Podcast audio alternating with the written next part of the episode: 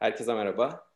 Bugün konuğumuz Jale Onur. Bildiğiniz gibi Öğretmenler Günü nedeniyle Kasım ayında özel yayınlar yapıyoruz. Bu özel yayınlardan birinde de bugün Jale Hanım'ı konuk edeceğiz. Ben kısaca özgeçmişini anlatarak başlayacağım. Sonra sizden gelen sorulara cevaplayacağız. Zaten bir soru soru geldi. Herkese merhaba.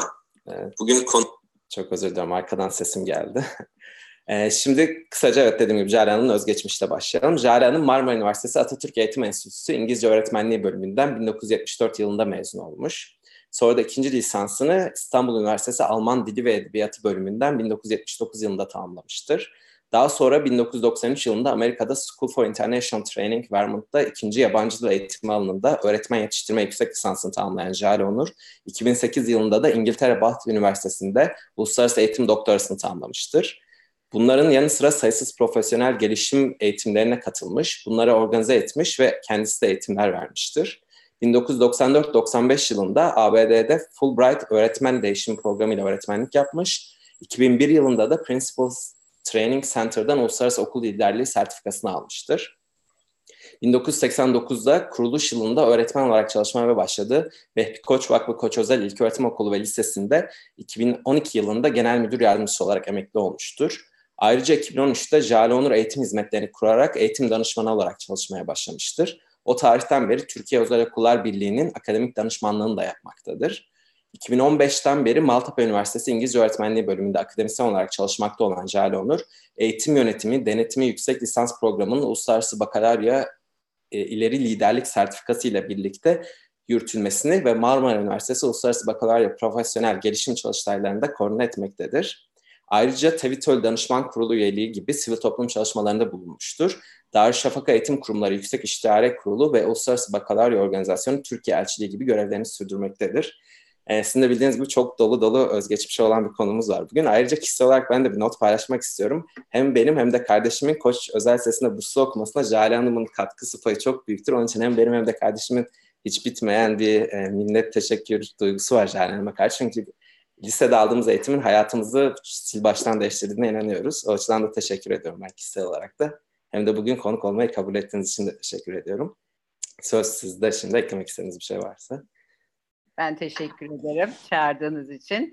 Ne güzel e, pırıl pırıl gençlerin yetişmesine katkımız oldu. Olduysa e, biz mutluyuz.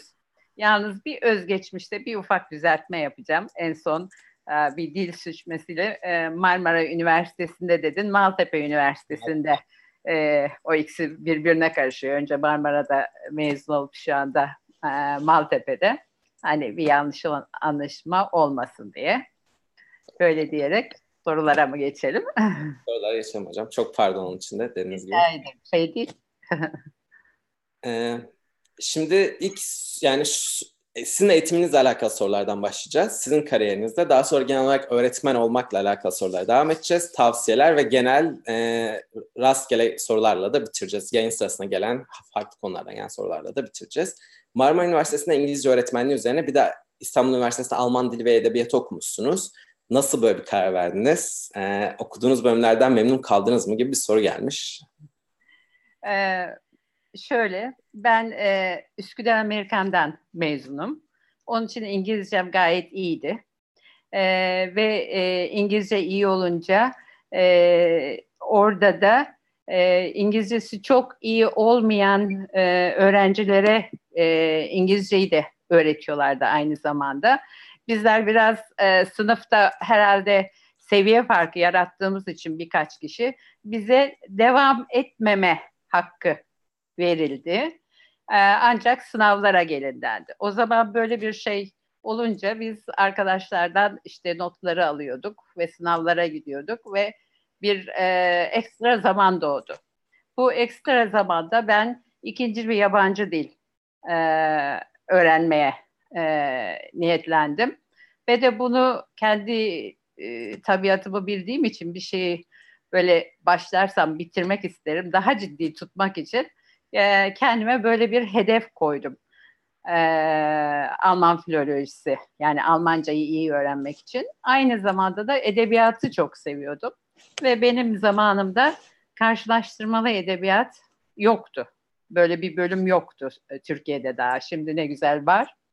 Kendi kendime bir yerde onu yaratmak istedim. E, bir yandan e, mesleğimi e, İngiliz, İngilizce öğretmenliği olarak e, bir taraftan e, garanti olacaktı. Bunun için öbür tarafta biraz daha risk alabildim. Biraz daha macera belki daha e, şeydi ama kendi kendime dedim ki daha uzun bir zamanda bu dili öğrenerek ilk iki seneyi hazırlık gibi yaparak dışarıdan da bir yeni kurslara e, devam ederek e, bunu daha uzun sürede e, yapmaya niyetlendim. Hakikaten de e, o şekilde gerçekleştirdim. Mezun olduktan sonra Marmara Üniversitesi Eğitim Fakültesinden İngilizce öğretmenliğine devam ederken bir yandan da yavaş yavaş Almancayı e, devam ettirdim ve bitirebildim. Sorunun bir kısmı da galiba e, memnun muydunuz evet. şeklinde. E, İngilizce öğretmenliği e, eğitimi o sırada beni pek tatmin etmiyordu. Bu dediğim nedenle herhalde. E, çok birebir devam etmemek de bunun e, şeyi payı olsa gerek. E,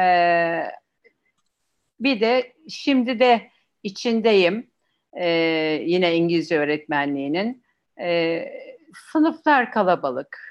Daha birebir, daha küçük sınıflarla, daha e, yani stajların çok daha fazla olarak yapılması gereken bir eğitim, öğretmenlik e, eğitimi. O bakımdan biraz daha az tatmin ediciydi diyeyim. E, Alman filolojisi ise başka bir maceraydı.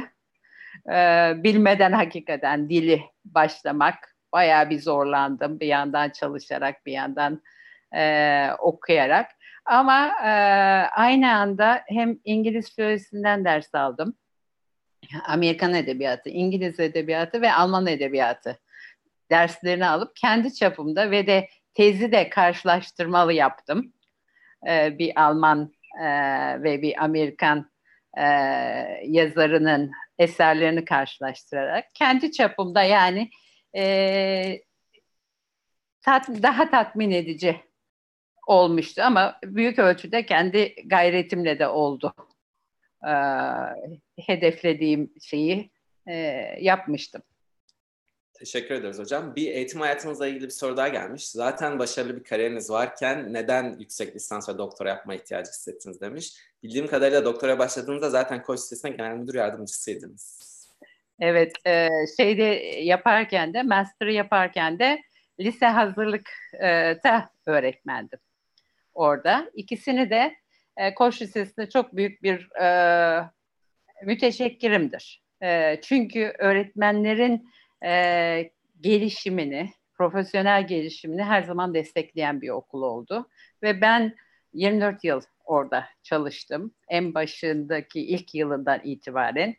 E, yani okulla beraber kendimin de gelişmesine izin verdi. Neden master yapmak istedim? İlk lise hazırlıkta e, bana öyle bir sınıf geldi ki e, çok enteresan bir sınıf geldi ikinci yılımda. E, seviyeleri birbirinden çok farklı çocuklar geldi. Yani bir kısım ta böyle başlangıç seviyesindeyken bir kısım e, ileri seviyeye bu kadar farklı e, seviyelerle baş etmeye çalışmak gerçekten yorucuydu. Hatta daha sonradan bir bilen bilmeyene anlatsın diye Nasrettin Hoca'dan şey yaparak bir makale yazmıştım o konuda. E, bunların birçoğunu kendim yani inisiyatif kullanarak e, bir takım yollar bulmaya gittim o zaman o yıllarda. E, arkasından e, bir grup öğrenciyi Amerika'da e, yaz okuluna götürmem istendi. O yaz okulundaki öğretmenlerin uygulamaları e, aktif metotla, daha öğrenci merkezli metotla e, çalışmaları beni çok cezbetti. Bunlar nereden geliyor dedim. Meğer bu e, okulun e, okulda e, master yapan öğretmenlermiş. Stajlarının bir kısmı olarak orada yapıyorlarmış. O beni çok cezbetti. Onun için oraya başvurdum. Ee, herkes e, şeydi, e, ana dilleri İngilizce olandı. Biz e, dışarıdan e, hakikaten e, bayağı e, bir e, şeyle mülakatta 12 saat çalışmaya hazır mısın falan dediler. Hakikaten öyle bir çalışmayla e, bütün yaz tatillerimi e, ikişer ay vererek sonra da arada e, ödevler ve oradan hoca geldi. Çok güzel bir programdı. Ama e, bu benim o daha evvel e, şeyle böyle bir e, bilmeden yaptığım bir takım uygulamaları bir yerde kendi kendime daha teoriyle e, pratiği birleştirerek daha kendimden emin bir öğretmen olmama, daha güzel uygulamalar yapmama yol açtı. Master'ı onun için yani evet işi olarak orada bana fark etmeyecekti. E, kazanç olarak şey yaparak ama kişisel olarak yaptığım işi daha iyi yapmanın e, yolunu açtı. E, hatta bildiklerimi Türkçe bölümüyle paylaştım. E, bölümler arası paylaşmayı bu şekilde başlattık orada. Daha sonra genel e, müdür yardımcısı olduğumda da e, maddi olarak falan fark etmeyecekti. Ama orada da şöyle düşündüm. Öğrenmeyi çok seviyorum ve kişisel e, olarak pek çok profesyonel gelişim şeylerine katılıyorum. Üç günlük, beş günlük, şuydu, buydu. Dağınık. Bunları bir e, daha odaklamak istedim. Böyle bir kendim böyle bir ihtiyaç hissettim ve de e, uluslararası bakaloryayı biz e, ilk Türkiye'ye getiren e, gruptuk, geliştiren, başka okullara yardım eden. E, onun e, şeyini e, daha iyi yapabilmek. Yine orada da e, zorlandığımız yönler vardı. Türk sistemiyle birleştirmekte e, falan. Orada da e, uluslararası bakaloryada o zaman tek bir üniversite vardı bunun master'ını veren. Onun için University of Bath İngiltere'de ve çok doğayenleriyle e, o konuda uluslararası bakalorya e, konusunda en hakikaten en bilinen profesörlerle çalışma şansına eriştim. E, o nedenle e, kişisel e, gelişim, onun tatmini, onu daha iyi yapma, teori yaptığımız pratikle teoriyi birleştirmek, daha bilinçli yapma arzusuydu. Yoksa e, beni orada daha bir yükseğe taşımayacaktı. Ama e, kişisel tatmin ve işini daha iyi yapma herhalde isteğiyle yaptım. Teşekkür ederiz hocam cevabınız için. Şimdi chatten az önce yandaki sohbet kısmından bir soru gelmiş. Bu motivasyonu nasıl diri tutmayı başarıyor diye.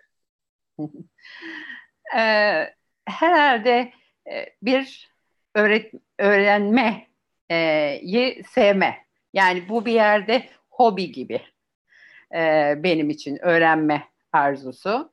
İkincisi hakikaten bu çok güzel bir soru aslında. Ee, ben çünkü e, şaşırırlar. Devamlı profesyonel gelişim. E, nerede bir konferans var giderim, seminer var giderim. Merak meraklıyımdır. Ama bazen de e, yani e, okuldayken de profesyonel gelişim şeylerinde e, daima e, tutumun çok önemli olduğuna inanırım. Ve bir öğretmen olarak sizin daima e, kendi motivasyonunuzun yüksek olması gerek. Sınıflarımda da e, negatif bir e, şeye hani öf bugün ders yapmayalım ay bu falan böyle bir şeye katiyen izin vermez. Yasak da öyle bir şey. Çünkü benim motivasyonumuzda da arkadaşlarınızınkinde düşüremezsiniz derdim. Veyahut da bazen kendim bildiğim canımın sıkkın olduğu bir profesyonel gelişim şeyi karşımıza geldiği zaman kendi kendime tutumumu e, düzelttirdim. Böyle davranırsan zevk alamazsın ve etrafına da zevk veremezsin, başkasına da diye. Yani sınıfa girerken de dertlerimizi, tasalarımızı kapının dışında bırakmamız lazım. Ki her bir e, böyle yaptığınız zaman e, motivasyonunuz, öğrenme isteği herhalde e, iyi oluyor. Karşınızdakilerle iyi bir etkileşim içinde e, üretiyorsunuz fikirleri. Böyle buluyorum ben şeyi, motivasyon. Teşekkür ederiz hocam. Bir soruda hiç hayatınızda yurt dışında yaşamayı düşündünüz mü, istediniz mi? Ee, öyle bir dönem oldu mu diye bir soru gelmiş. Ben e, aslında bir yıl Fulbright e, exchange öğretmen olarak gittim. O sırada e, bir sene daha öğret e, uzatma şeyi gelmişti hatta. E, olabilirdi ama o sırada kızımın eğitimi için e, ters bir zaman olacaktı. Dönmezsek bu sefer yurt dışı mı yurt dışı mı hani bilmediğimiz bir zamanda. E, ona döndüm. Birçok e, kişi bana bunu söylemiştir niye gitmiyorsun diye. Ama ben hiçbir zaman e, öyle bir istek duymadım. Yani çok e, mesleki olarak gittim, çok gördüm, ettim ama e, orada yaşamayı e, arzu etmedim. Daha bağlıyım herhalde buradaki e, aileme bağlıydım. E, hani yaşlı anne baba vardı. E, şey yapmadım. E, öyle bir özenmedim, e, istek duymadım. Ama master'ım içinde, doktoram içinde sık sık belirli kısa sürelerle çok sık yurt dışına gittim. Okullarda bulundum. Hani gördüm. Öyle bir deneyim edinmek çok güzel. Ama e, çok da farklı bir şey olmadığını düşünüyorum. İnsan her yerde insan. Öğrenci her yerde öğrenci. Öncelikle de kendimizinkileri yetiştirmek, burada olmak bana daha tatmin edici geldi. Teşekkür ederiz hocam. Bir Fulbright'tan az önce de bahsettiğiniz değişim programından onunla ilgili bir soru gelmiş. Bunun e, başvuru süreci, kabul alışı nasıl oluyor? Öğre- önerir misiniz genç öğretmen adaylarına demiş bir arkadaşımız. Öyle bir fırsat olursa kesinlikle öneririm. Hala devam ediyorlar mı aynı şekilde? Daha kısa süreli şeyler yapıyorlar belki. Ama e, güzel bir deneyim oluyor. E, hatta zaman içinde o anda fark etmediğiniz ama sonradan da e, devamlı e, fark ettiğiniz e, şeyler oluyor. E, giderek e, insan e, bazı şeyleri fark ediyor. Öyle bir şeyde e, okulun da desteklemesi lazım. Size izin vermesi lazım. Yani bizde böyle olmuştu. E, on, e, Fulbright'tan okullara gelen yazıyı bir kere o, öğretmenlerine duyurmaları gerekiyor. Ki haberiniz olsun. Ama belki şu anda online olarak girip kendiniz de belki kontrol edebilirsiniz. Ee, okulun desteklemesi lazım diyorum. Çünkü şöyle bir şey oluyor. Sizin yerinize karşı taraftan bir öğretmen geliyordu. Onun için bir değişim e, şeyi. Birbirinizin bir yerde e, yaşamını devralıyorsunuz. Kariyerli yaşamını biz evde değiştirmiştik. Hatta araba değiştirmiştik. O derece tam birbirimizin e, yaşamını devralmıştık. E, müracaat ediyorsunuz işte formlar, yazılı e, sorular, şunlar bunlar. Ondan sonra sözlü müla ha, bir dil sınavı vardı. Dil sınavını geçtikten sonra e, bir mülakata çağrılıyorsunuz. Mülakatta da işte e, hem mesleki hem de e, güncel olayları takip ediyor musunuz? Öyle sorular e, geliyordu. Hani zor bir durumda karşılaşırsanız politik olarak e, falan nasıl idare edersiniz, nasıl yaklaşıyorsunuz? Bunlara bakmışlardı. E, ondan sonra oradan geçtikten sonra da size göre uygun, sizin pozisyonunuza uygun karşı taraftan da birinin seçilmiş olması gerekiyor ki bu değişimi e, yapabilirsiniz. E, böyle bir süreç. E, mutlaka hele genç öğretmenlere, hele dil öğretmenlerine özellikle e, yani ana dili e, ne daha çok o, konuşabileceği, öyle öğretmenlerle birlikte çalışabileceği, bir e, deneyimleri çok öneririm. Evet, bir soru da bununla alakalı gelmiş. İngilizceniz ne kadar iyi olursa olsun yurt dışında ana dil İngilizce olan öğrencilere İngilizce ders vermek, İngilizce öğretmek zor değil miydi? Zorlandınız mı diye bir soru gelmiş. Ah, zorla şöyle ben iki türlü e, sınıfa ders verdim. Bir ESL sınıfı yani ana dili İngilizce olmayan öğrencilere. Bir de e, normal e, lise 2 edebiyat idi. Ben esas İngilizce e, ESL'i yani çok iyi olduğum bir alandı. Master'ım o alandı. Fakat o öğrencilerde daha zorlandı. E, diğerlerinden ziyade. Çok ilginçtir bu. Ama çünkü ben Türk öğrencilerine çok alışıktım. Bizim Akdeniz tabiatıyla öğrencilerin çok daha rahat böyle konuşması, konuşkan olması dil öğren öğretmeni için çok önemli. Ama oradaki sınıfımda e, uzak doğulu, Koreli, Japonu, e, Çinlisi falan da çok olan bir e, şeye sınıfta konuşturmakta çok çok zorlanmıştım. O daha zoruma gitmişti. Ama edebiyat öğretirken hiç zorlanmadım. E, hatta şöyle bir e, enteresan bir şeyle de karşılaştım. Ana dilinde e, pek çok yanlış yapıyorlar. Bir de mesela orada bir Shakespeare okuturken e, Türk çocuklarına okutmaktan çok daha zor.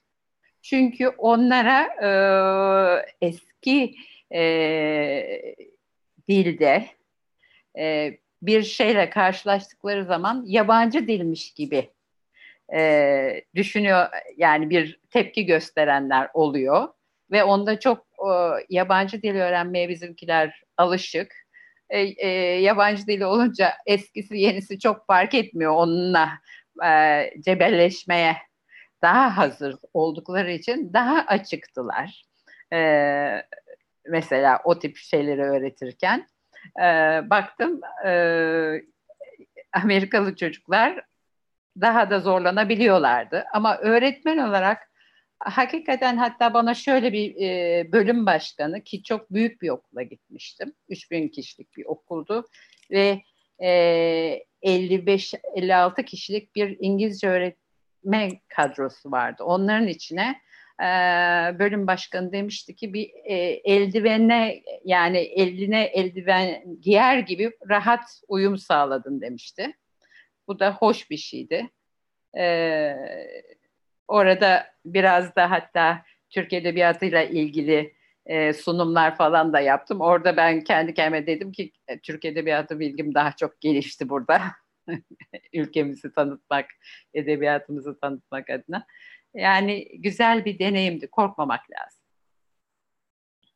Teşekkür ediyoruz hocam. Şimdi sizin kariyerinizden ilgili soruları kapatıyoruz. Biraz daha öğretmen olmak, öğretmenlere tavsiyelerinize geçeceğiz. Sonra biraz farklı Türkiye'deki eğitimdeki problemlerle alakalı sorular. Bir de en son genel e, yayın sırasında gelen dağınık konulardan gelen soruları değineceğiz. Ee, öğretmenlere tavsiyelerle ilgili bir arkadaş yine sohbet kısmından sormuş. Bu yani öğretmenlere değil ama dil öğrenmeye yani dil öğrenmek için sizce en iyi yol hangisidir demiş. Ee, bir soruda eğitim konusunda yönlendirme yaparken mutlaka yapılmalı şeklinde düşündüğünüz yöntem ya da yollar var mı? Varsa neler demiş. Bir dakika. E, bir... Birinci soru öğrenmek isteyen birine tavsiyeleriniz. İki, öğreten birinin mutlaka yapması gereken şeyler sizce neler? Öğrenmek için tavsiyeler. Bir kere kullanmaktan korkmamak, yanlış yapmaktan korkmamak.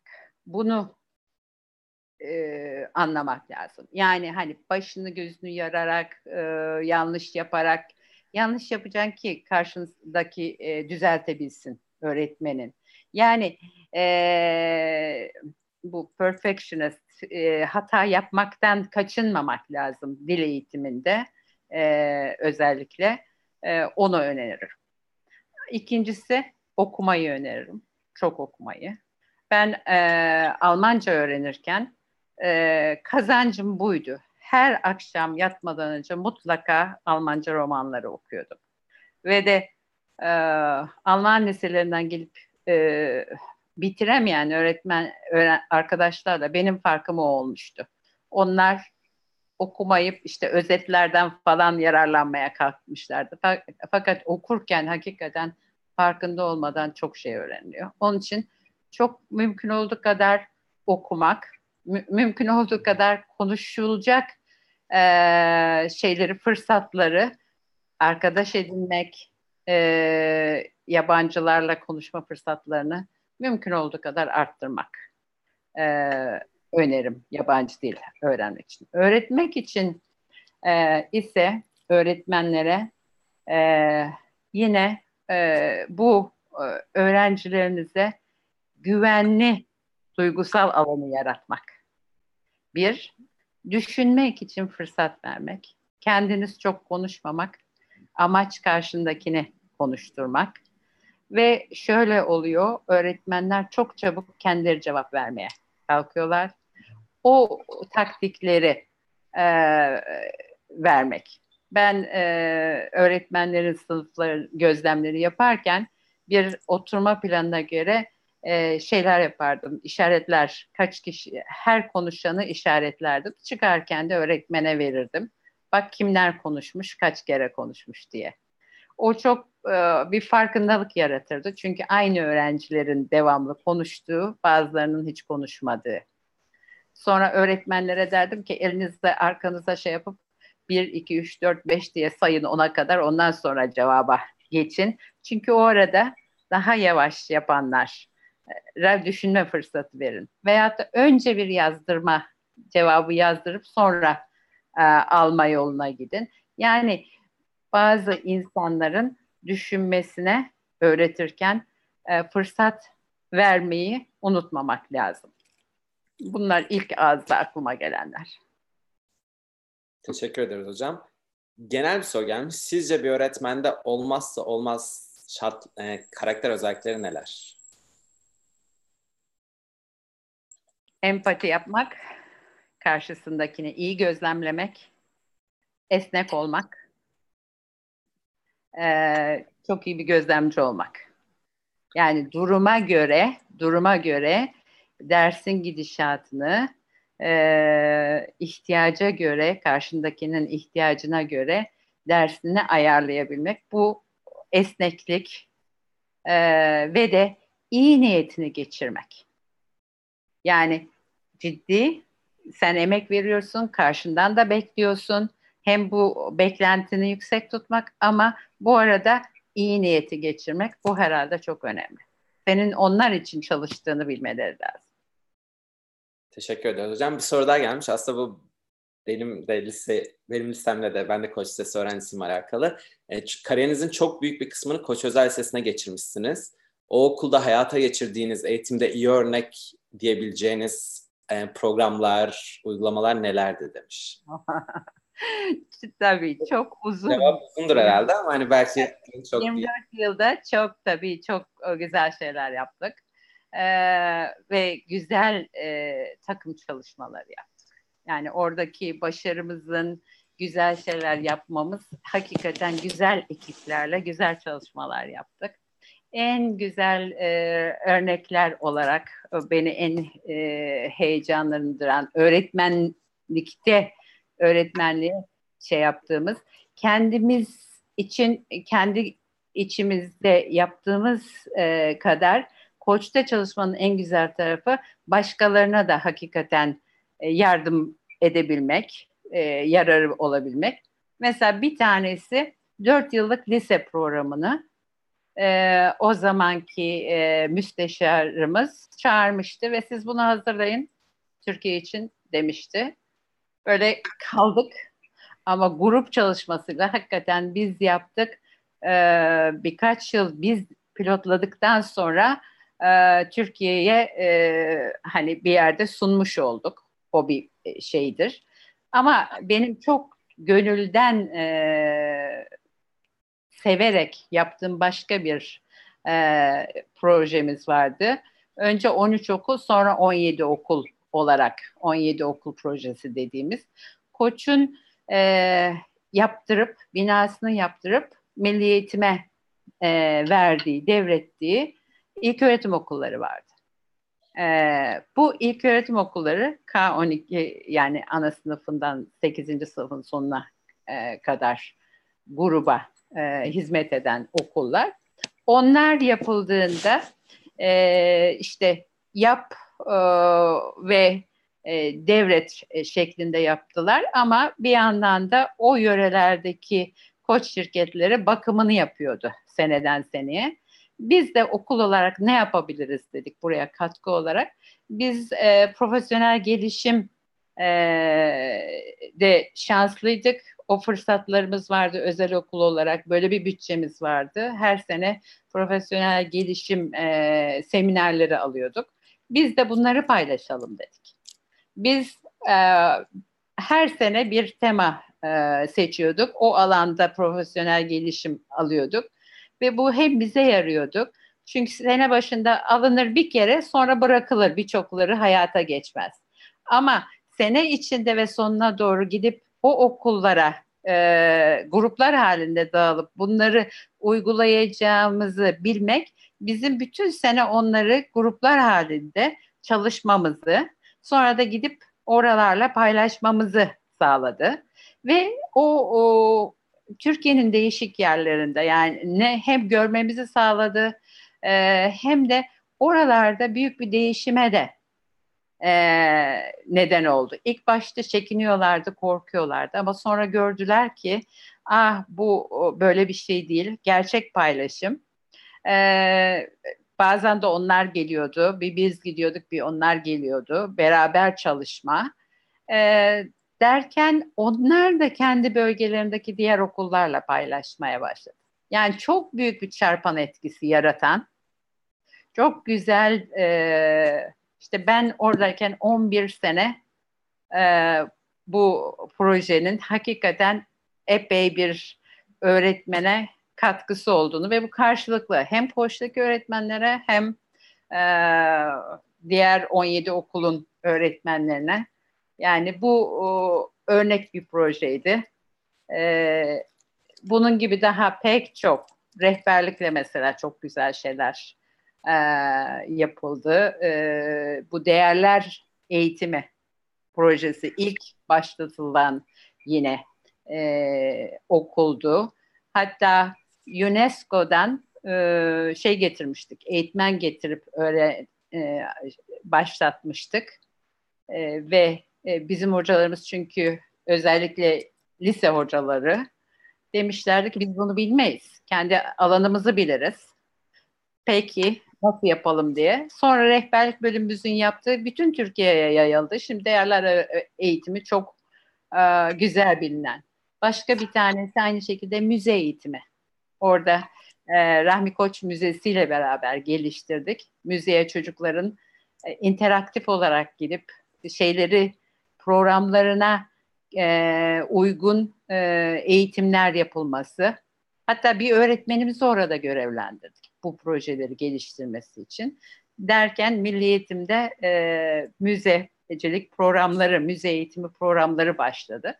Bu Bunun gibi pek çok e, o kadar uzun yıllar boyunca çok güzel e, işbirliklerimiz e, ve çalışmalarımız, projelerimiz oldu. Teşekkür ederiz hocam. Size ilgili bir yorum gelmiş öğretmenliğinizle ilgili. Onu okuyup onu paylaşıp sıradaki soruya geçeceğim. Ee, izleyicimizin bir yakını sizin için e, Jale öğretmen sanki beynimin üzerinde bir kapak açtı. Bütün bilgileri beynime doldurdu. Öyle güzel öğreten bir öğretmendir demiş. Ay ne güzel. Çok evet. teşekkür ederim. Böyle. Ben de dediğim gibi yani öğrenciliğin, öğretmenliğinize rastlamadım. Ben liseye başladığımda siz genel müdür yardımcısıydınız zaten. İdareciliğinize rastladım ama benim de ekleyeceğim bir şey ee, ben özellikle benim hatırlıyorum sene sonları sizden randevuyla gelirdim. Bir, bir buçuk, iki saat beni dinlerdiniz. Bütün yorumlarımı, öğretmenlerle ilgili eleştirileri olumlu olumsuz. Ya, o anlamda benim inanılmaz eleştiriye açık ve hani öğrenciyi dinlemeye, bu öğrenciden gelen eleştiriyi uygulamaya yönelik bir tutumunuz vardı diye düşünüyorum. Ben de onu ekleyeyim. İdareciliğinizle alakalı olarak. Ee, okay. Sonra soruya geçelim. Çok güzel. Ee, şimdi bir izleyicimiz şöyle bir soru sormuş. Öğretmenlerin empati yapmasından bahsettiniz ama öğrenciler empati yapmıyor diye düşünüyor herhalde. Keşke öğrenciler de empati yapsa diye bir yorum yapmış.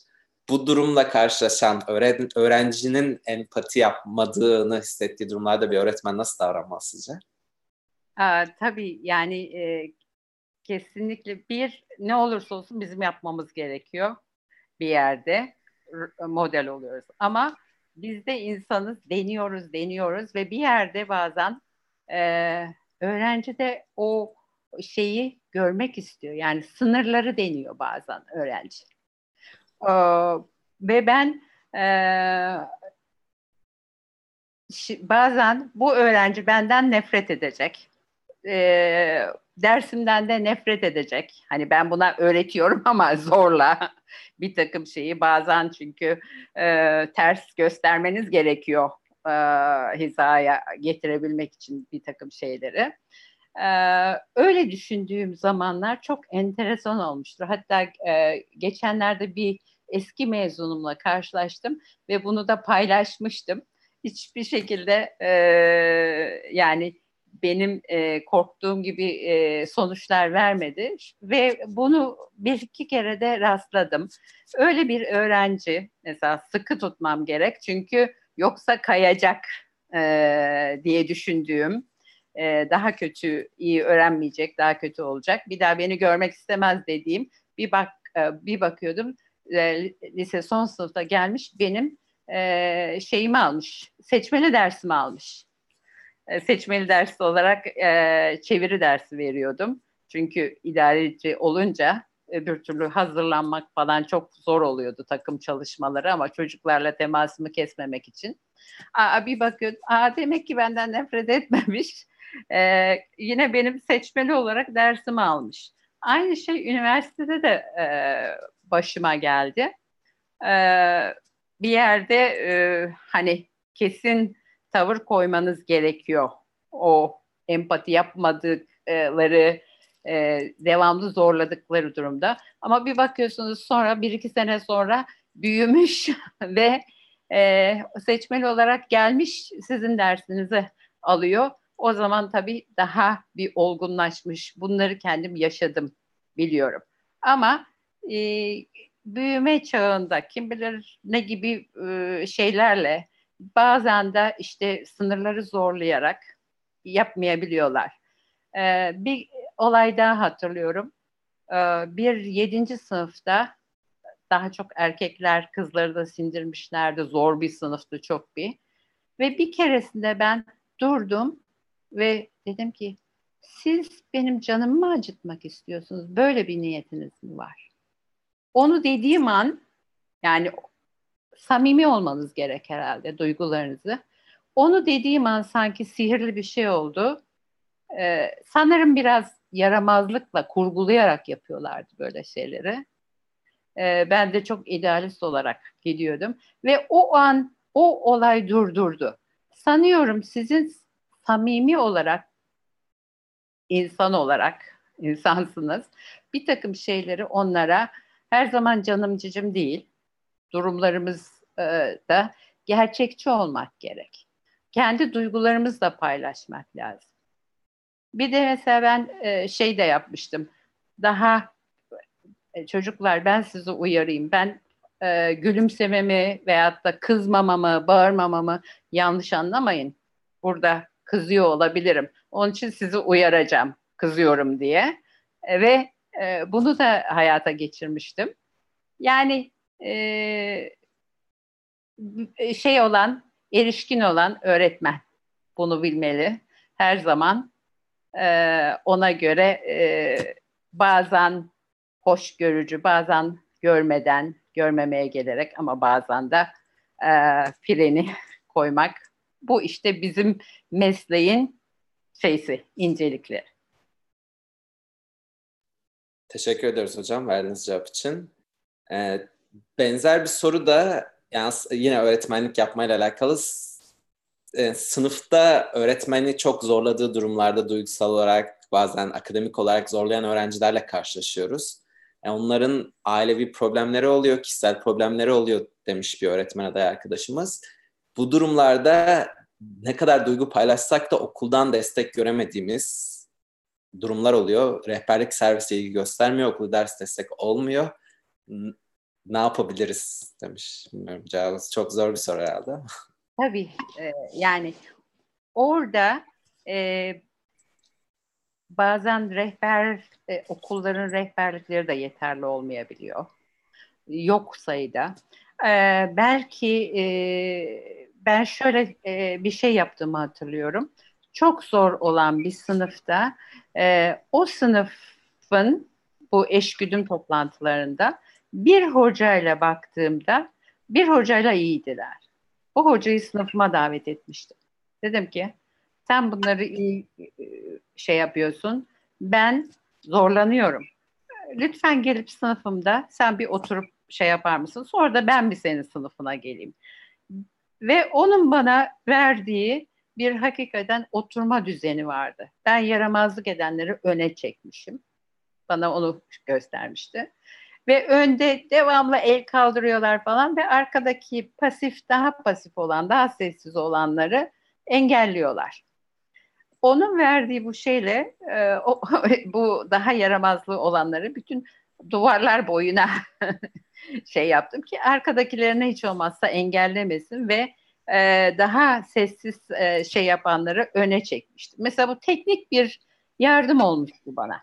Birbirimizle olan bir e, fikir danışması, e, yardımlaşma, belki daha deneyimli veya da daha deneyimli olmayabilir. Daha genç bir öğrenciyle o sınıf daha e, baş edebilir. Veya da bir öğrenciyle öyle iyi olan, daha iyi o öğrenciyle halledebilen sorunları birisi var mı diye de bakılabilir. İlla rehber öğretmenle olmayabilir. Ama e, işte müdür yardımcısı şey bir işbirliği ama e, negatif değil, olumlu olarak bir işbirliği e, yapmaya e, gitmek lazım. Bazen aileyle e, çalışabilmek lazım. E, bazen de aileyi gördüğünüz zaman çocuğun sorunlarını anlıyorsunuz. Yani aynı tip bir şeyden gelmiş olduğunu anlıyorsunuz. Yani e, kesin bir e, cevap yok. Duruma göre elimizden gelen ne yapmaya çalışmamız gerek bir kısa bir teşekkür ederiz hocam. Kısa bir hatırlatma yapmak istiyorum. YouTube hesabı olmayanlar, yayını izleyen birkaç arkadaşımız soru e, mail atmış. Onlar sorularını sormak için hesap açmalarına gerek yok. YouTube'daki sizin özgeçmişinizin hemen üstünde bir link var. Oradan hesap açmadan da soru yollayabilirler. Bu teknik hatırlatmadan sonra e, bir soruyla e, yeni bir soruyla devam ediyoruz. Öğretmenlikte güncel bilgiyi korumada zorluk yaşıyoruz demiş bir e, öğretmen öğretmen izleyicimiz veya öğretmen adayı izleyicimiz. E, yani bilgi çok değişiyor. Uluslararası kaynaklarla kopukluk olabiliyor. Bu tarz durumlarda belirli bir tavsiyeniz, öneriniz var mı demiş. Aslında şimdi eskiye göre çok daha iyi tabii. Yani bu internetle birçok platformlar var. Eskiye göre çok daha iyi. Ee, onun için onları takip edebilirler. Ama burada da yine çok fazla bilgi kirliliği, çok fazla yani e, bazı şeyleri e, yani e, maddi çıkar e, için pazarlama e, kaygısıyla yapılan şeyler de var. Onlara da dikkat etmek lazım. Ama bir yıl öğretmen platformu nerede olduğunu bilmiyorum tabii bu soru soranın. E, o tip şeylerle eskiye göre daha iyi olduğuna inanıyorum. Bir de mesela e, şeyler var. E, bir yıl konferanslar ama tabii herhalde bunlar daha büyük şehirlerde, İstanbul'da olan mesela e, bir öğretmenin epey bir şansı var. Ben bizim özel öğre özel okullar birliği, Türkiye Özel Okullar Birliği'nde yaptığımız etkinlikleri biliyorum. Mesela her hafta sonu öğretmen seminerleri var ve çok değerli insanlar veriyor ve bunlara e, çok cüzi bir miktarda e, şey alınıyor. Alınmasının nedeni de aslında hani öğretmenin de bir e, kendine yatırım yaptığını hissetmesi, ciddiyetini e, hissetsin diye böyle bir şey e, alınıyor. Ama e, genelde 10-12 kişi geliyor İstanbul gibi bir yerde. Çok daha fazla öğretmen haberdar mı olmuyorlar? Yani sitelere girip öğrenilebilir, okullardan e, bilgi alabilirler. Yani ilgilenene e, daha işte bir Aralık'ta temel eğitim sempozyumu yapılacak. E, Antalya'da bir tane yapılacak Ocak sonunda. Bunlar bizim yaptıklarımız. Bir e, teknolojiyle ilgili bir tane var, rehberlikle ilgili bir tane var. İşte yani bizim kendi özel okullar derneği olarak bile e, planladığımız, yaptığımız pek çok e, şey var. Bunun gibi başka kuruluşların da yaptıkları var. Yani e, bunları e, mümkün olduğunca katılmak. E, ben zaten biliyorum diye yaklaşmamak lazım. Her dinlediğinizden bir şey çıkarma, çıkarabilmek mümkün. Ee, onu tavsiye ederim. Ama daha uzak bir yerlerdeyseler ve böyle şeyler e, bulma fırsatı yoksa o zaman da e, hakikaten e, bu internet üzerinden olan kaynaklar e, epey fazla. Bence yani e, sizin bu yaptığınızda bile şu anda e, bir şey var. E, bulunabilecek çok şey olduğuna inanıyorum ben. Bir de okuyabilirler. Yani kitaplar var ve de ondan sonra da paylaşmak tabii. Paylaşabilirseniz daha zenginleşiyorsunuz birbirinizle. Teşekkür ederiz hocam. Şimdi bir size bir sorum var benim hızlıca. 10, 10 dakika kadar kaldı. Yayını biraz uzatmamızın sizin açınızdan sakıncası var mı? Çünkü epey soru var. Ee, bu Yok. konuda devam edelim. Yeni konuya geçelim mi? Uzatabilirsiniz. Ee, tamam, o zaman e, biraz uzatalım. Ee, sıradaki sorumuzdan devam ediyoruz. Öğretmenlerden duyduğumuz e, en büyük şikayetlerden biri öğrencilerin derse ilgisinin düşük olması. Aslında bu konuya bayağı bir cevap verdiniz. E, sizin yani bunu gözlemlediğinizi, kendi gözlemlediğinizden de bahsetmiş. E, bahsettiniz pardon. Yani izleyicimiz şey sormuş. Dikkatin derse nasıl çekebiliriz? Sorunlu öğrencilere yaklaşımımız nasıl? Birebir çok sorunlu öğrencilere yaklaşımımız birebir de nasıl olmalı demiş. Yani sanırım ders sırasında değil de dersten sonra olur herhalde iletişim, takip, aileyi dahil etmeli miyiz, etmemeli miyiz, ne oranda dahil etmeliyiz gibi uzun bir soru sormuş. Yani öğrenci... Özellikle çok sorunlu öğrencileri kastediyor herhalde bu soruda. Ama sorumlular derken sorunsuzları da ihmal etmemek lazım. Öğrenciye bazen ufacık bir dokunuş, yani ufacık bir ilgi, dokunuşla ilgiyi kastediyorum. Ee, çok farklı, yani e, onlar da çok farklı etki edebiliyor. Yani sizin onlara bir gözünün içine bakmanız, bir nasıl olduğunu sormanız, bir kişisel olarak bir ilgi göstermeniz e, gerçekten işi fark, e, farklılaştırıyor. Bu sadece kendimden söylemiyorum. E, izlediğim öğretmenlerden de başarı e, şey yapan, e, başarılı olan öğretmenlerin çoğu öğrencilerine kişisel olarak iyi olup olmadıklarına ilgi gösteren öğre, e, öğretmenlerdi. Tabii bunun çok o, dikkatli de olmak gerek. Yanlış anlaşılmamak, e, kişisel sınırları aşmamak, gerektiğinde gerektiği kadar e, diğer e, rehber öğretmenle, diğer öğretmen e, müdür yardımcısıyla yani genel bilgi almak. Yani bir yerde öğrenciyle, öğrenciyle ilgilenmek, insan olarak ilgilenmek. Ee, okullarımızda e, çok kalabalık değilse, öğrenci sayımız çok fazla değilse, e, yani e, buna e, gayret etmemiz gerekiyor. Kişisel e, ilgi bence bunun anahtarı. Teşekkür ederiz hocam. Şimdi bir genel Türkiye'deki eğitim sistemiyle ilgili sorulara yavaş yavaş geçeceğiz. Türkiye'de eğitim sınav eğitim sınav sisteminin de etkisiyle bazı öğrenciler tarafından bir yarış gibi algılanıyor. Bu çoğu öğrenciyi hem fiziksel hem de ruhsal olarak yıpratıyor. Sizce bunun önüne geçmek için neler yapılabilir demiş. Geçmişte belki koç sitesindeki tecrübelerimizden de. Maalesef genel sistemde bu gerçekten eğitimi bozan bir sistem bence. Ee, bu yarış insan belki bazı insanlar da yarışmayı seviyor, başkasıyla yarışmayı seviyor. Ee, bir motivasyon faktörü olarak e, kullanabilen de olabilir. Kendi kendinizi nasıl öğrendiğini bilip belki bunu olumlu baksam. Ama en güzel yarış kendinle olan yarış. Kendin her zaman ben elimden gelenin en iyisini yaptım mı, yapabildim mi demek. E, ailenin de çocuğa öyle yaklaşabilmesi, okulun da öyle yaklaşabilmesini arzu ederim. O zaman çok daha anlamlı e, gelişme olabiliyor. Psikolojik sorunlar olmuyor. E, çünkü o psikolojik sorunlarla, stresle bu sefer çocuk e, birçoklarının e, şeyine de yansıyor. Sınav başarılarına da yansıyor öyle e, şeyler.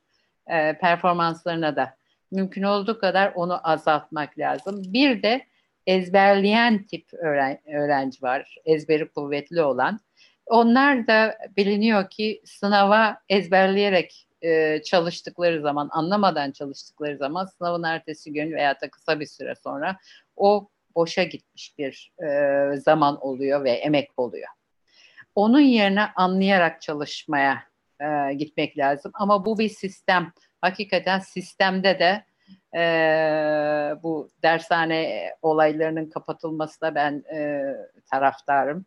Yani bu sistem yanlış. Ama sistemde Milli Eğitim Bakanlığı'nı da aşıyor sistem. E, YÖK'le Milli Eğitim e, Bakanlığı'nın ortak çalışması gerekli. Çünkü sınavların soruları giderek aslında daha e, anlamaya dayalı olmaya başladı. Buna seviniyorum. E, ezberci ABCD e, şıkkından biraz daha sistemi hakikaten birlikte çalıştırmalı. Ama e, tek başına milli eğitim bunu yapamaz. Oradaki üniversite sınavı olduğu sürece o değişmediği sürece bu yarış olacaktır. O yarışta da bu sefer yapabileceğimiz sınavların tipini değiştirmek, daha anlamaya dayalı ve stresi e, daha azaltacak şeyler bulmak lazım. E, ki daha anlamlı e, çalışmalar yapılabilsin. Belki e, yani e, işte Amerika'da yurt dışında olduğu gibi o sınavlar tek şey olmamalı. Başka şeylerine de bakılmalı öğrencilerin ama e, büyük sistemsel bir sorun yani. Peki hocam bu Amerika'da duyuyorum. Ben Türkiye'de de böyle bir şey olsa önüne geçilemez gibi geliyor ama o zaman torpil oluyor işte rüşvet veriliyor gibi iddialar iyice olma. Amerika'da bile çok duyuluyor bunlar. Olay orada zaten. Yani insanların etik şeyleri, değerlerin e, ve güven unsurunun olması maalesef yani biz kendi ülkemizde de e, çok son yıllarda çok fazla yaşadık.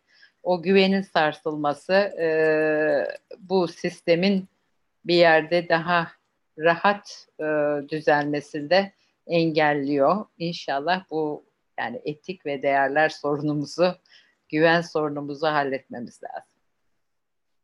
Teşekkür ediyoruz hocam. Şimdi bir soru gelmiş aslında. Bunu belki en başta sormamız gerekiyordu. Biraz geç kaldık ama uluslararası bakalorya tam olarak nedir? Uluslararası bakalorya diploması ile Milli Eğitim Bakanlığı diploması arasındaki farklar nelerdir? Uluslararası bakalorya okumanın avantajları nelerdir diye sormuş bir arkadaşımız. Öğretmen arkadaşımız. Evet, benim deneyimimin e, büyük bir kısmı, e, emeğimin büyük bir kısmı e, hakikaten 94 yılından beri bu alana gitti. Uluslararası bakalorya e, nasıl bizim milli eğitimin e, ulusal bazda bir standarttır. Bize ne, nasıl yapılmalı, hangi standartlarda öğrenci geçmeli, geçer not alır gibi düşünürsek bunu uluslararası e, bazda eğitimi kontrol eden bir e, şey olarak düşünmek lazım. Bir standart olarak düşünmek lazım. Bu uluslararası bakalorya e, nasıl ortaya çıkmış? İkinci Dünya Savaşı'ndan sonra değişik ülkelerin ileri gelen, gelen eğitimcileri bir araya gelerek e, bir e, aynı zamanda barışçıl bir e, şeyde idealizmde içinde olarak e, hem de e, işte e, daha globalleşen dünyada daha fazla yer değiştiren insanların mesela diplomatların çocukları okula nasıl gidecekler? Sonra üniversiteye gittiklerinde bunlar e, nasıl e, bir eğitim alacak? E, aynı zamanda e, böyle çok uluslu şirketlerde çalışanların çocukları aileleri ne yapacak? Böyle bir globalleşmeden gelen bir ihtiyaç bir de bu harplerden sonra, e, dünya savaşlarından sonra biz bu savaşları nasıl engelleyebiliriz?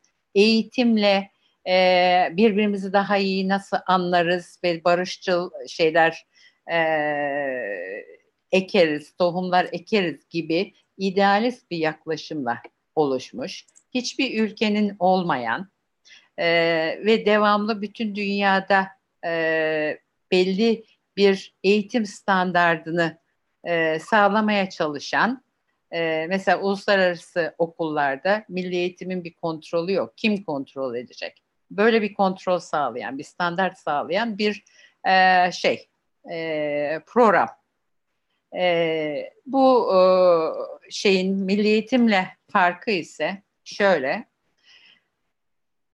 Ben kendi görüşüm e, milli eğitimde bizde ortalama 14, 15, 16 ders var bir yılda bir öğrencinin.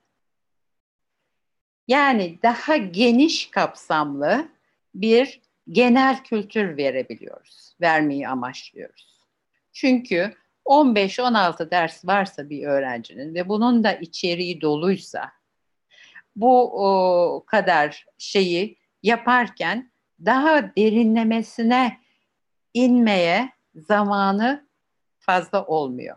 Onun için onun yöntemi daha bir yerde daha öğretmen merkezli e, olarak kalıyor. Daha e, yüzeysel ama daha geniş e, bir spektrum diyeyim. E, Uluslararası Bakalorya e, diploma programı mesela lise programından bahsediyorum burada. Da 6 tane ders var. Yani 16 ders nerede? 6 ders nerede? 16 ders olunca her bir derse düşen e, 2, 3, 4, 5 değişik saatler oluyor. Az az saatler. Öbür tarafta da e, her gün öğretmeni görüyor. Haftada en az e, 4 4-6 saat arasında değişen haftada aynı derste e, daha derinlemesine inebileceği, araştırma ödevleri yazı, yapabileceği, raporlar yazabileceği e, gibi daha derin bir, daha dar kapsamlı yani 16 ders yerine 6 derse daha dar kapsamlı ama daha derinlemesine. Şimdi tabii o daha öğrenci merkezli ve daha araştırmacı bir öğrenci profili yaratıyor. Bu devirde de bu çok önem veriliyor bu araştırmacılığa. Biz bunu Türkiye'ye getirdiğimizde ikisini bir arada yaptırmak zorunda kalıyoruz. Çünkü milli eğitim doğrudan doğruya e, bakalorya diplomasını tanımıyor. Dünyanın pek çok yerinde tanınıyor ama bazı e, ülkelerde e, az bir ülkede e, tanımıyor. Bu zamanda bunu mümkün kılabilmek için bu iki e, programı birleştirme yoluna gidiyoruz. E, yani bakalorya alan çocuklar hem 16 ders alıyor hem de e, bu ikisinin birleştiği e, derslerde çok daha derinlemesine bir e, eğitim yapmak durumunda kalıyor. E, ve bunun sonucu olarak aldıkları e, sınavlar bütün dünyada da tanınan, tanınıyor. Yani çift diplomayla mezun oluyorlar. Bakaloryoyu alanlar. Tamam mı? Başka bir yönü de var mıydı bu sorunun? Yok genel olarak genel olarak olduğunu merak eden Anlatmaya çalıştım. Hı hı. Teşekkür ederiz hocam. Bunun dışında birkaç biraz yorum, biraz soru gelmiş. Onları paylaşayım. E, Sayın Hocam okullar artık ilk kuruluş amacının dışına çıkmıştır. 200 sene önce sanayi için eleman yetiştirmeyi amaçlayan kurumlar günümüzde yaratıcı eğitimi nasıl verebilir? Yetkinlikleri nasıl geliştirir diye bir soru gelmiş. Bilmiyorum cevap vermek istiyorum. Biraz yorum aslında. Çok doğru, böyle. çok doğru bir şey. E, çünkü e, yani değiş, dünya devamlı değişiyor. E, sanayi toplumundan bilgi toplumuna geçildi. E, şimdi devamlı bir değişim var. Bu değişimde bizim de buna ayak uydurmamız lazım ve e, eskiden e, bilgi kaynağı olan öğretmen artık bilgi kaynağı olmak olamaz bu kadar çok şeyde. Bunu kabul etmemiz lazım. Yani olur tabii ama tek bilgi kaynağı olamaz. Ee, bu kadar çok işte e, çocuklar bilgisayarda, iPad'lerle şunla bunla dışarıda, içeride, e, televizyonda, şurada, burada her yerden bilgi kaynağı yani e, var. Öğrenmek isteyene çok şey var.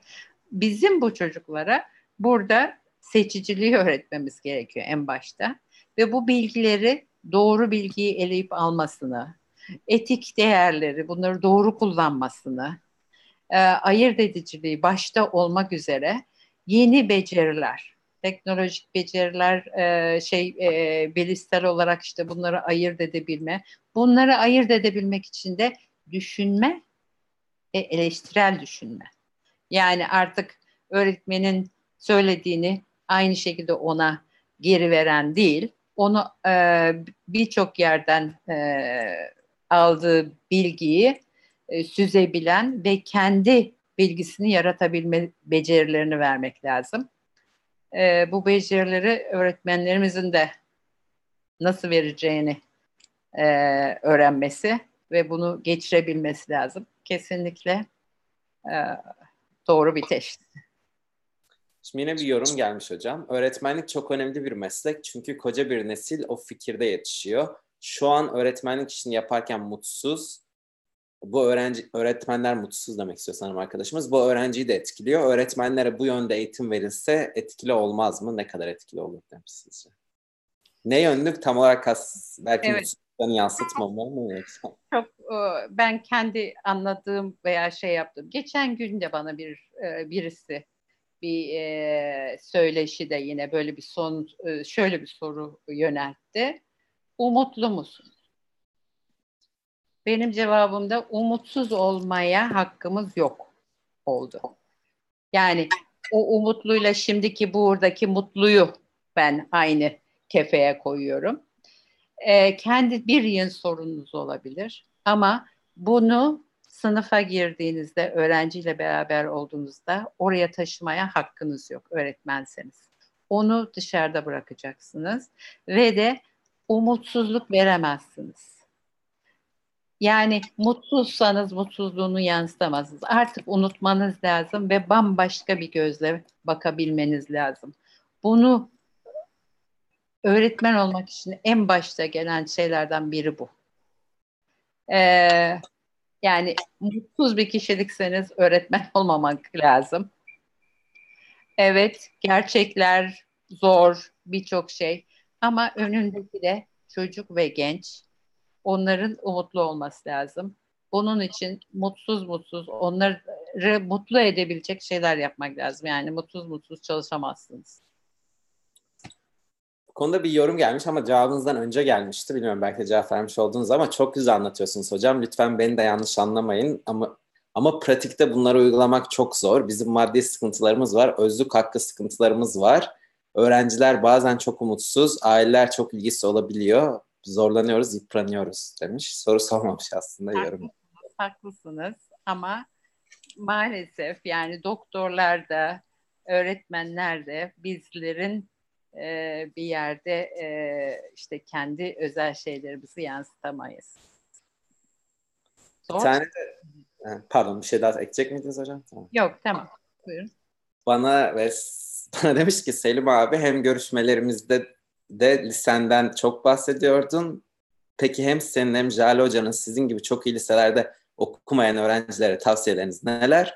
Ben okum, okulumdaki hocaların bize hiç ilgi göstermediğini düşünüyorum demiş. Ee, belki belki de o başta bir şey yapmıştık. Tutum tutum değiştirmek. Belki de o hocasına ilgi göstermeyi denesin. Ve özel ilgi almaya çalışsın. Ee, yani kendi kendimize nerede olursa olsun ben iyi öğrencinin bir şeyler yapacağına inanıyorum. Belki biraz daha geç yapar, belki bizim o şansımızla biraz daha fazla e, şey e, yol açabilme imkanımız vardı. E, bu şansı e, biliyorum. Ama e, her yerde de iyi öğrencinin ve de çok iyi öğretmenler olduğunu da biliyorum.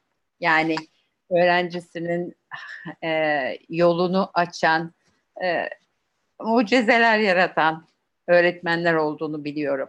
Ama kendimiz kişisel olarak da hele bu devirde hakikaten çok daha şanslılar. Bu değişimi, bu teknolojik e, gelişmeleri bir şans olarak görmek lazım ve ona göre kullanmak lazım. Yani e, pesimist olarak e, yaklaşmamak lazım. Olumlu yaklaşmak lazım. Şimdi bir soru daha gelmiş hocam. Çok teknik bir soru ama hızlıca sorayım. Sözlü notunun yine son notuna etkisi kalmamış. Sanırım sistemde yazılı sınav sonucu şu an önemliymiş. Sizce bu yanlış değil mi? Ya, bilmiyorum. Ben tabii çok dışındayım bu konuda. Ee, Valla öğretmen bence e, bir şekilde yansıtabilir. Yani e, bir yerde işte deminki söylediğin e, güven meselesi girebiliyor işin içine. Ama sorulan soruda, sorulan sorunun şeklinde e, içine e, bir takım esneklikler konabilir. Ama e, bazı insan hakikaten sözlüde daha e, iyi cevap verebilir, bazı yazılıda. Onun için e, zaman zaman farklı şeyler, yöntemler, şeyler geliyor ama bu ayarlamalar e, hakkında çok fazla söyleyebileceğim bir şey yok. Evet, teşekkür ediyoruz. Hocam şimdi güzel ve derin bir soru var. Hem sizin Amerika'da da bir yılda olsa öğretmenlik tecrübeniz de var. Türkiye'deki lise eğitimi Amerika ve Avrupa ülkelerindeki lise eğitimine göre zor ve konular daha derin. Ee, aslında siz demin tam tersini söylediniz daha yüzeysel oluyor ama buna rağmen lisans ve yüksek lisans eğitimine baktığımız zaman Türkiye'deki üniversiteler Amerika ve Avrupa'ya göre epey geride gözüküyor. Türkiye'de lise eğitiminin zor olması öğrencilerin gelecek başarılarını da çok arttırmıyor. Bu konu hakkında ne düşünüyorsunuz? Evet, ben e, bu zorluk, e, kolaylık olayı e, konusunda e, yani zorluğu şuradan yığma e, çok fazla bilgi yığılması, çok fazla e, ben şey derdim hakikaten bir insanın e, şikayet ettiğiniz zaman sizler gelip evet her biri bir patron sen bunları idare etmeyi öğrendiğin zaman işte çok büyük bir e, şey öğrenmiş olacaksın e, gibilerinden e, yaklaşırdım. Mesele zorluk açı, e, konu olarak zorluk değil. E, bence fazla ya bölünme zorluğu var Türkiye'de ve başarısız e, yurt dışındaki e, lisans veyahut da bizdeki lisans ve yüksek lisans e, geçtiğinde yaşadıkları sorun da öyle. E, derin düşünmeye vakit bulunmadığı için bu çok fazlaya bölünmekten dolayı e, e, üniversitede daha az dersle ama daha derin düşünmeleri gerekiyor. O düşünceyi yansıtacak raporlar yazmaları veyahut da e, yazılar yazmaları, bir şey e, analiz etmeleri gerekiyor.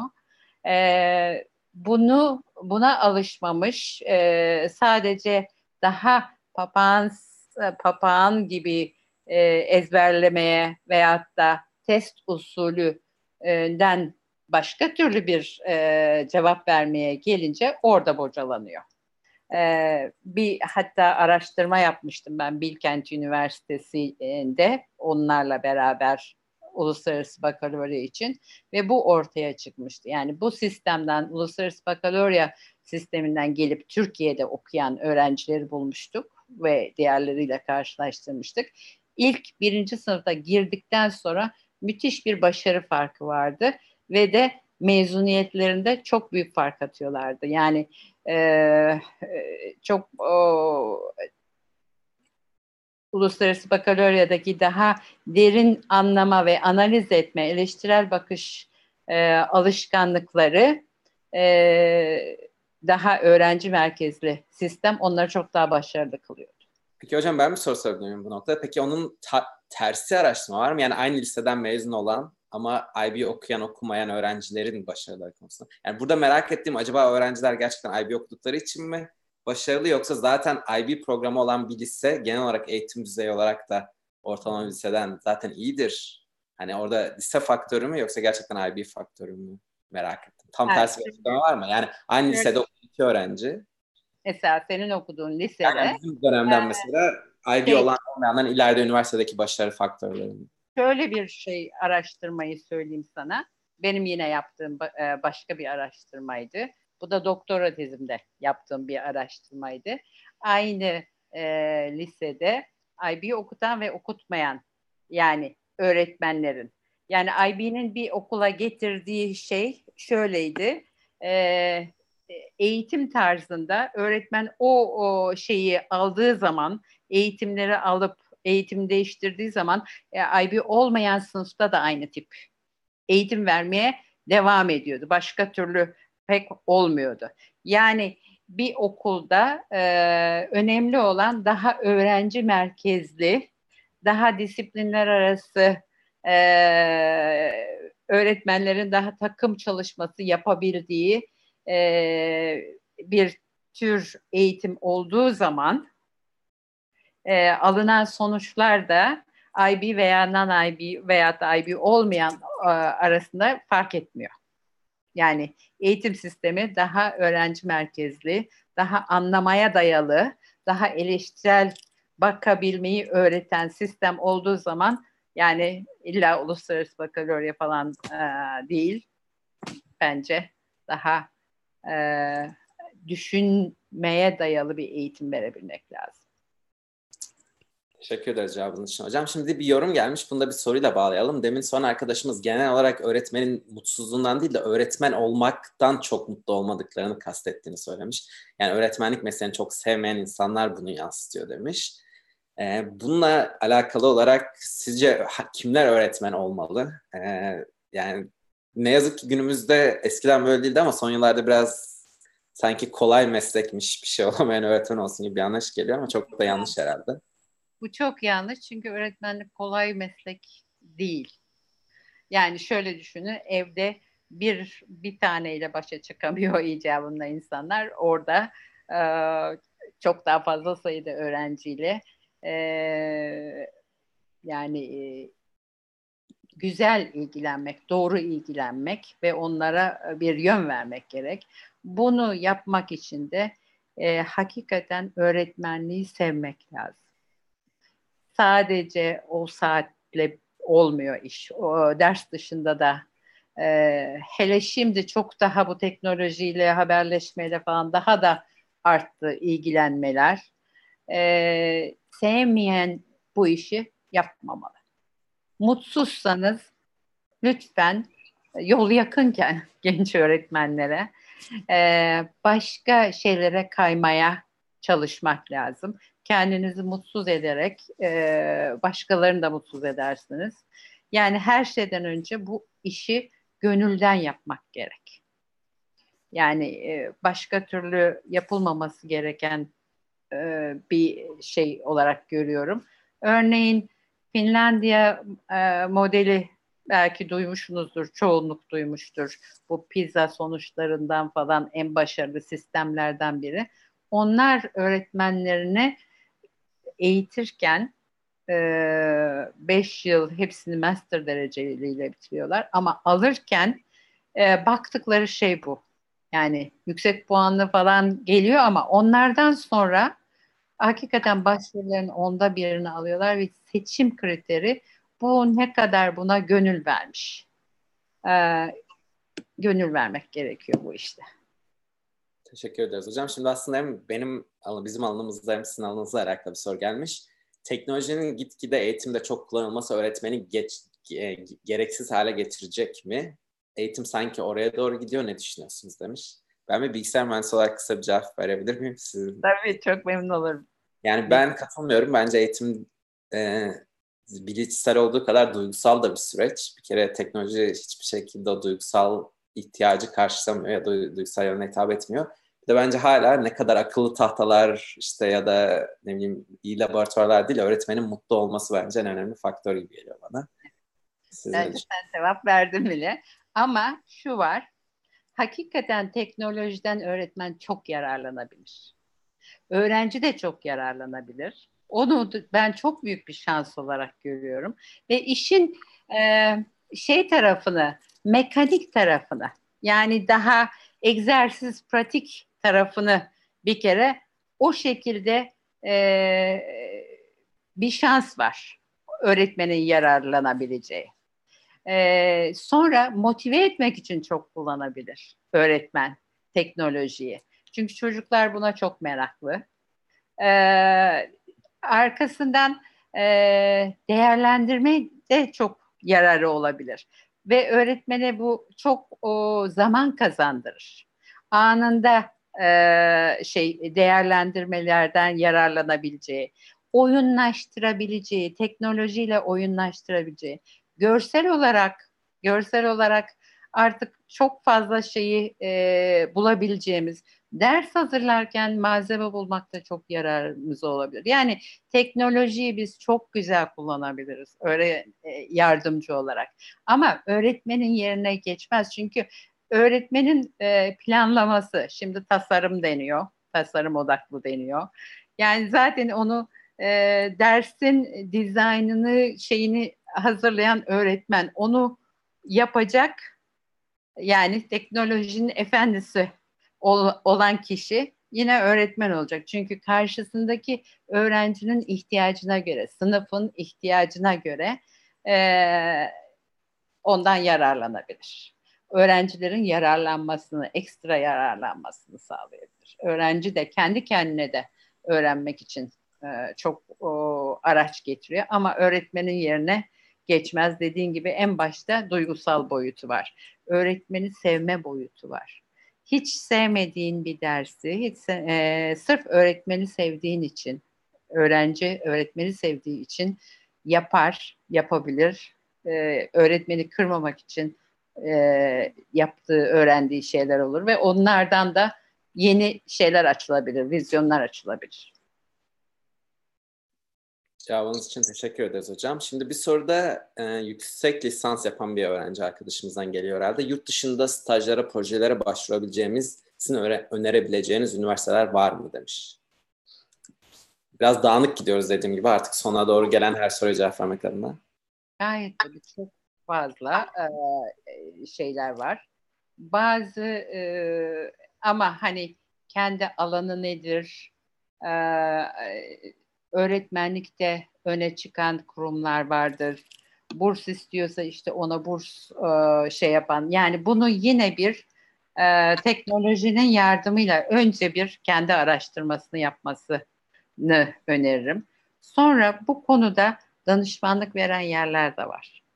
Hatta fuarlar falan var. Onlardan da yararlanılabilir. Kendisine göre o kadar e, epey alternatif var. Yani ne bileyim ben işte Amerika e, alternatifi olduğu gibi bir Avustralya alternatifi de var.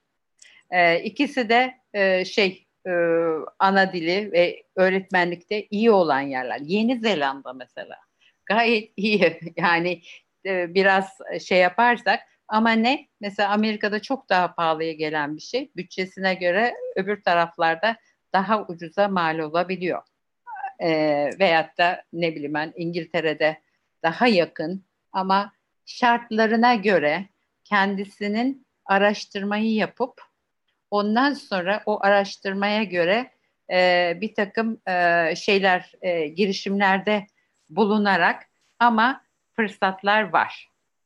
Yani ama bir araştırma konusu başlı başına ve herkese göre değişir. Teşekkür ediyoruz cevabınız için hocam. Şimdi bir yorum var. Ee, yine bir öğretmen olan izleyicimizden geliyor sanırım. E, işimi yaparken karşımda öğrenmeye hevesli pırıl pırıl gözler görünce ders bitmesin istiyorum. Ama aynı sınıfta hevesli öğrencilerime ket vuran öğrencilere davranış kazandırmaya çalışırken de çok yoruluyorum. Ailelere bu konuda eğitim verilebilir mi? Verilebilir belki gibi bir şey demiş. Bilmiyorum bir yorumunuz eklemek Evet, en zor e, en zor şey budur. Çünkü okul, aile, öğrenci hani işbirliği halinde bunu e, yapmak yararlıdır. Ama bizim e, elimizde olan öğrenci e, şey e, veliye ulaşmamız çok daha zor oluyor. Ama e, yine denememiz gerekiyor. Yani bazı okullarda işte veli eğitimleri oluyor. Bazı rehberlik e, şeyleri grup grup velileri davet ediyor. Bazıları geliyor. Bir, bir avuç da olsa belki e, şey yapıyor. Ama veli eğitimi çok önemli ama e, gücümüzün oldukça dışında olan bir alan. E, ama öğrenci yoluyla e, veliye ulaşıldığı da ayrı bir gerçek. Ayrı bir gerçek yani. Ama zor bir zor bir konu. E, veliyle işbirliği çok önemli. Veliye eğitmek de önemli ama bunu yapmak da çok zor. Teşekkür ederiz hocam. Şimdi size bir soru gelmiş. Bugün Milli Eğitim Bakanı olsaydınız yapacağınız ilk şey ne olurdu? Neyse ki değilim. Öyle bir durum çok zor. Allah kolaylık versin Sayın Ziya Selçuk hocamıza şu andaki Milli Eğitim e, Bakanı'na. E, ben e, böyle bir durumda kalsam şu anda mesela 2023 vizyonu açıkladılar ve de ben e, doğru olarak tasvir ettiğim bir şey var. E, ani hareket etmek istemiyoruz, veriye dayalı olarak hareket etmek istiyoruz dediler. Çok politik baskılar oluyor Milli Eğitim Bakanlığı'nın bakanlığının üstünde. Yani tam öyle denmesine rağmen acele ettirmeye bir anda bir hareket e, bir şey yaratmaya. Halbuki eğitim e, yani insan yavrusu, genç e, gelişimi çok uzun sürede oluyor. Onun için bugünden yarına e, sonuçları göremiyoruz. Öğretmenin güzel tarafı da bu. E, çok sene sonra karşınızda böyle pırıl pırıl gençler olunca sizler gibi o zaman ancak e, sonucu e, daha iyi anlayabiliyoruz. E, onun için e, anında bir şey e, sonuç almak e, haksızlık hakikaten. Fakat ben yapılması gereken şeyler e, olarak şöyle bir düşünürsem, bir mutlaka e, grup olarak yani birlikte çalışmak lazım. Kiminle? Bir kere YÖK'le. Tek başına milli eğitim durumu, e, okullar ve problemleri anlıyor kendi içinde yapması yetmiyor. Demin söyledik. Bu bir e, işte üniversite sınavı bütün olayı etkiliyor. Sınavlar bütün olayı etkiliyor. En sonunda geliyor yani üniversite sınavı gerçeği değişmedikçe buradaki e, bir yığın sistem değişemiyor. Onun için her şeyden evvel YÖK'le yakın çalışma e, gerektiğine inanıyorum. Hani ben olsam diye bir soru geldi ama yani böyle bir e, sistemle e, çalış, e, birlikte çalışmak gerek. İkinci yine birlikte çalışmak gerek. E, dediğim şey mesela şeyi açıkladılar. Bu demin bahsettik 15 tane ders var. Öbür tarafta 6 tane var. Azaltacağız dediler. Onlar da farkındalar. Ama bunun niye hemen yapılamıyor? Herhalde bunun ben benim alanım dışında ama makro daha makro e, ve ekonomik sorunları var. E, peki o kadar öğretmen ne olacak ekonomik olarak? Ben olsam yine hani bakanlıkları azalttılar ya e, sayılarını. Onun gibi dersleri de birleştirmeye giderim öncelikle. Daha uzun vadeli plan yaparken bir yandan da e, mesela uluslararası bakaloryada biz bir e, disiplinler arası sosyal bilgiler dersi yaratmıştık. 20. yüzyılda Türkiye diye tarih, coğrafya, e, felsefe bunları birleştirerek bir ders yapmıştık. O, o bazı okullarda öğretmenler işte şey yaparak e, kendileri aralarında e, sırayla giriyorlar konuya göre ama bir işbirliği içinde çalışıyorlar. Belki bu şekilde dersleri nasıl azaltacaklarını yaparken aynı o bakanlıkları birleştirdikleri gibi dersleri de birleştirme yoluna gitmeyi bir düşünürdüm. Yani şimdilik bu ikisini söyleyeyim. Ama e, çok zor bir iş çünkü çok büyük sayılarımız, öğrenci sayılarımız, bu şey mülteci öğrencilerle çalışmalar, e, bir yığın e, zor gerçekler var. Sistem gerçekleri. Teşekkür ederiz hocam. Aslında epey soru gelmeye devam ediyor ama bunların büyük bir kısmına cevap verdiniz. Bir kısım arkadaşlar yayını sonradan ortadan izlemeye başlıyorlar. Onlara tavsiyemiz baştan tekrar yayından sonra izlemeleri YouTube'da duruyor zaten bu yayın. Kaldırmıyoruz. Hatta bir iki hafta içinde sorulara kısa kısa kesip soru cevap şeklinde de ekliyoruz. Ee, bir iki soruyu daha sonra kapatmak istiyoruz. Artık da yarım saat söz verdiğimiz zamanda üzerine çıktık. Sizin çok vaktinizi aldık. Ee, yani bir aslında genel bir soruyla kapatmak istiyoruz. Sizin şu an bizi izleyen aslında bu bütün yayın boyunca verdiğiniz ama belki son bir tavsiye olarak hem öğrencilere hem öğretmenlere söylemek istediğiniz son sözleriniz neler? Hani bu yayından hiçbir şey hatırlamazlarsa akıllarında kalmasını istediğiniz ne var? Onu merak ediyoruz. Evet, ben e, derim ki e, umutla, e, şevkle, e, motivasyonunuzu her zaman e, diri tutarak e, öğrenmeye devam edin. Çünkü şeyimizde, çağımızda habire değişim oluyor ve öğrendikçe de daha çok şey e, ortaya çıkıyor. E, adapte olabilmek için bu yeni gelen nesle e, önderlik edebilmek için onlara e, yol gösterici olabilmek için devamlı e, kişisel gelişimimizi e, bırakmamamız lazım.